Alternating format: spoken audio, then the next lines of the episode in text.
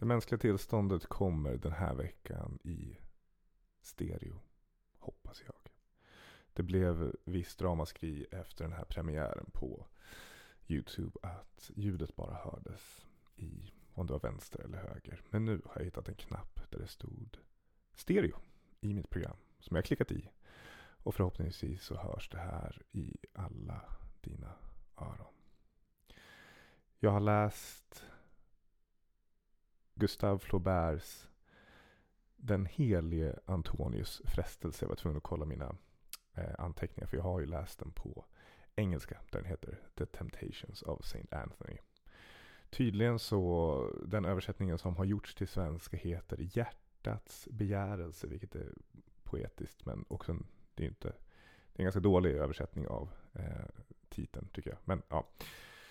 Anyway, eh, den här boken skrevs på 1800-talet förstås, för att han levde på 1800-talet. Flaubert är väl mest känd för att ha skrivit Madame Bovary, som är en tjock bok. Som jag inte har läst, men jag tror vi pratade om den på gymnasiet vid något tillfälle. Jag eh, blev tipsad om den här i någon intervju med Terence McKenna, tror jag. Aldrig hört talas om. Eh, bara hört Flauberts namn. Men eh, någonting med den här beskrivningen av boken fick mig taggad så jag beställde hem den. Det är en väldigt, väldigt fin eh, utgåva av Modern Library. Som eh, jag skulle nog säga att jag rekommenderar specifikt att köpa just den här. Jag kan eh, lägga in i någon beskrivning någonstans eh, exakt vad den här utgåvan heter. Men den har ett väldigt fint förord och eh, en fin, en bra introduktion av Michel Foucault. Som förklarar, man behöver ganska mycket hjälp när man läser den här boken. Och det som framförallt är bra med just den här utgåvan är översättningen. Den gjordes nästan direkt efter boken släpptes från franska till engelska. Så den borde vara utdaterad. Man gör väl nyöversättningar då och då av böcker till engelska. Men den här som jag har köpt är då den äldsta översättningen. Och då kan man tänka sig att det kommer vara svårläst om det är 1800-tal och översättning från franska. Men det är det inte. Översättningen är otrolig. Språket är vansinnigt bra. Det är poetiskt och flytande och vackert och eh, snyggt och energi. Det är verkligen det är helt sjukt. Och som tur är så står det lite om översättningen i boken. Det brukar det inte alltid göra, men det gör det. Och den här mannen som har översatt den har verkligen levt ett liv som han blivit avundsjuk på. Föddes i Grekland, utbildades till präst i Dublin.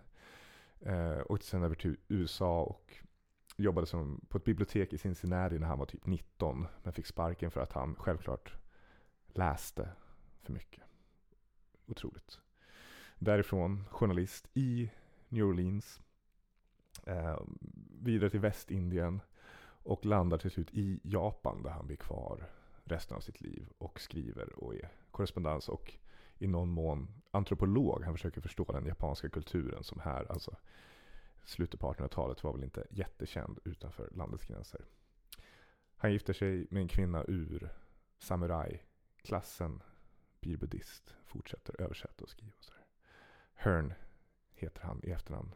Um, och jag undrar om han inte är släkt med den här Hearn som i nutid har skrivit eh, fantasyböcker med japanskt tema över Näktergalens golv och så vidare.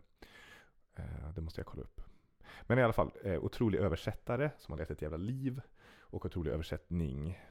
Jag, någon har frågat förut varför jag inte läser på svenska varför det alltid är böcker på engelska och jag skulle jättegärna läsa på svenska men svenskar är usla på att förvalta det svenska språket. Ehm, det blir ofta väldigt stolpigt, akademiskt. Ingen pratar som svenska översättare skriver. Eh, ibland kan det vara positivt men jag tycker det är i det här fallet oftast negativt. Jag försökte läsa den här Ett litet liv som har blivit så hyllad eh, och förstod verkligen inte vad hypen var. Det var inte alls bra skönlitteratur tyckte jag. Man kanske bara har fel. Testade och köpa den på engelska och fattade direkt. Det här är ju en toppenbok. Det är bara att översättaren liksom inte kan hantera språket på samma sätt. Tydligast blev det också i den här översättarens anmärkningar som handlar om översättningen framförallt av Sagan om ringen. Eller ringens, Heter den Ringens härskare kanske? Nu. Ja, Sagan om ringen, ni förstår. Där han skriver om översättningsprocessen och liksom hur han funderar på vilka ord och sådär. Och vid ett tillfälle så pratar han om ett översättningsprojekt av någon modern bok tror jag. Um, där han ska översätta typ You Pussy, säger någon. Som en förolämpning. You Pussy. Och det betyder typ att du är en fegis eller så här. Och han funderar länge från och till hur ska han översätta You Pussy till svenska. Och landar till slut i fitta. Han översätter alltså You Pussy till din fitta och det är så jävla uselt. Alltså hur kan man få betalt för sitt jobb och komma fram till det här? Ehm, det skulle både du som lyssnar och jag som pratar kunna gjort bättre än han. Jag fattar inte. Men men, eh, så därför, eh, svenskan är ett otroligt vackert språk och det finns ju jättemycket bra litteratur på svenska. Men översättningar är svåra, vad det verkar. Den här däremot, Svängen och djävulskt. Eh, vi ska kanske prata om själva boken då. Eh, den handlar om en eremitmunk, Sankt Antonius i Egypten. Som ger sig ut i öknen för att han vill komma nära Gud. Och han skapade då lite motvilligt den första eh, klosterorden. För folk åkte ut till honom och ville hänga med honom och vara där i öknen. Först sa han nej och sen till slut så tvingade sig folk på. Och det blev då den första, det första klostret egentligen i kristendomen. Och det finns än idag tydligen, otroligt. Eh, den här boken skrev han först som en pjäs Eh, 1849. Men hans kompisar sa då tydligen, enligt förordet, att den var för dålig eller liksom inte bra nog. Lägg bort det här. Så han skrev massa andra böcker eh, och gjorde massa annat. Tills han 20 år senare får för sig att göra om det till en roman. Och under när han jobbar med att, alltså Flaubert nu då, skriva om den här pjäsen till en roman så invaderar Preussen Frankrike.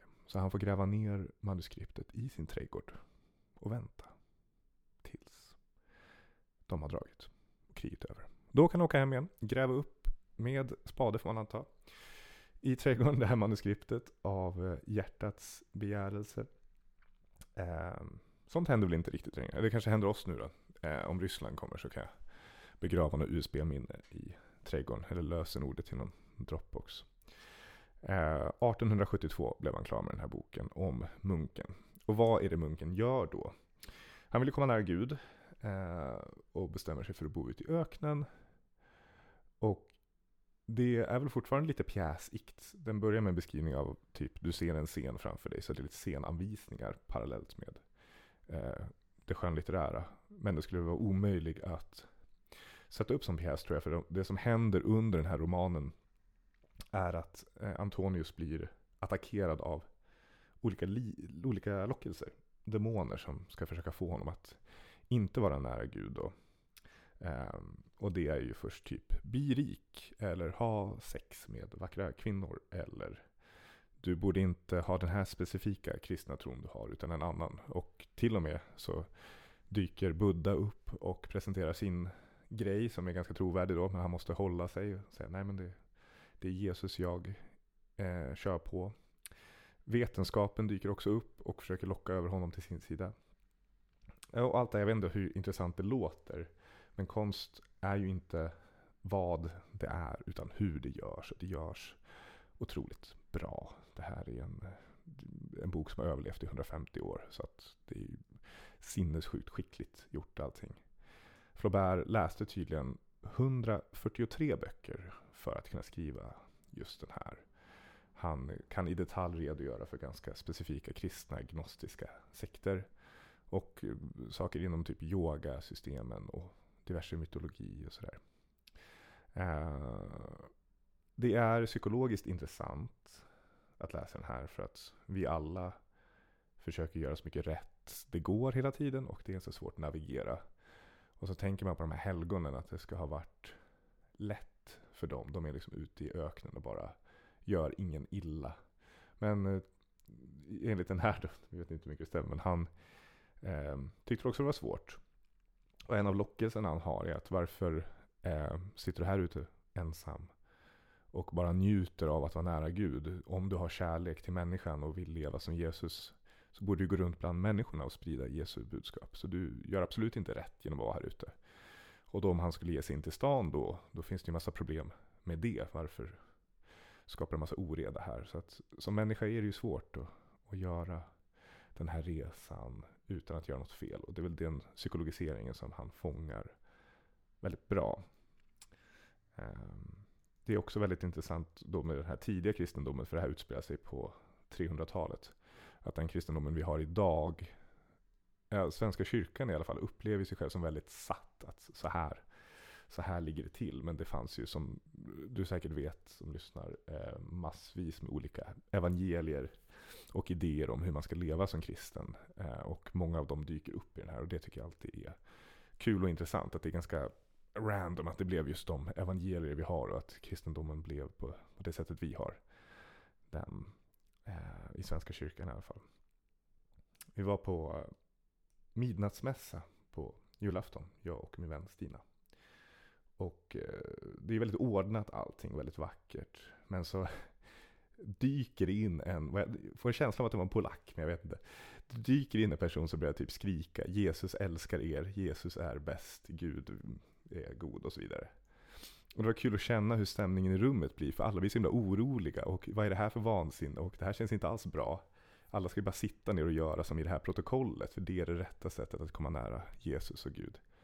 Men jag, om man får jämföra, så är den här snubben mycket, mycket närmre det som Jesus sa och det Jesus ville än vad eh, Uppsala domkyrka är. Och så kommer det några snubbar i liksom piké typ, eller alltså så här, uppstyrda unga svenska killar och liksom för bort honom. Det här är inte okej. Okay. Du får inte stå här och berätta högt att Jesus älskar alla och att Gud är god. Det får du inte göra. Man kan ju bara tänka sig om Jesus själv hade varit där i rummet och sett det här. Vad hade han tänkt? Ta bort den här mannen. Han får inte vara här. Alla ska bara sitta ner och vara tysta.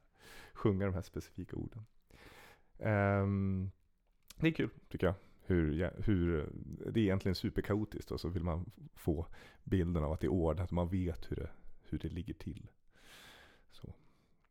Eh, boken, eh, jag tycker den är jättecool och har en otrolig djup och en otrolig bredd. Och på 150 sidor gör den mer med mig än många andra böcker gör på det dubbla eller trippla. Om du är intresserad av litteratur, historia, religion, filosofi, Eh, så tycker jag den här är värd att ha och läsa. Jag tycker det är konstigt att jag inte har hört talas om den innan, men det kommer väl med rätt timing får man anta. Um, ni får gärna fortsätta tipsa om böcker som jag kanske har missat. Nu finns ju den här på YouTube, Spotify, Instagram, Facebook. Om ni söker på Det mänskliga tillståndet eller DMT-podd så borde ni hitta den. Också den klassiska E-postadressen dmtpodd.se gmail.com De flesta äh, nyårslöften som vi har är ju att vi vill vara mer som den här Antonius. Eh, vi vill vara mer munklika. Så vi avger någon sorts löfte vid nyår om att vara bättre människor på något sätt. Och sen så under året så misslyckas vi med det här på något vis. Eh, även jag har gjort det i år i formen av ett bett med en vän om att vi ska bli bättre människor på olika sätt. Eh, kommer vi klara av det ett år eller kommer vi behöva swisha varandra? Det är väl det som det mänskliga tillståndet försöker att besvara. Hörni, det är väldigt kul att läsa böcker och prata om dem och höra vad ni känner och tänker inför det. Så tack för att ni är med. Eh, tack för den positiva responsen på det här med video. Det var inte alls uppenbart att det skulle vara positivt, men det var väldigt positiv respons. Så kul, här är jag. Eh, vi hörs snart igen.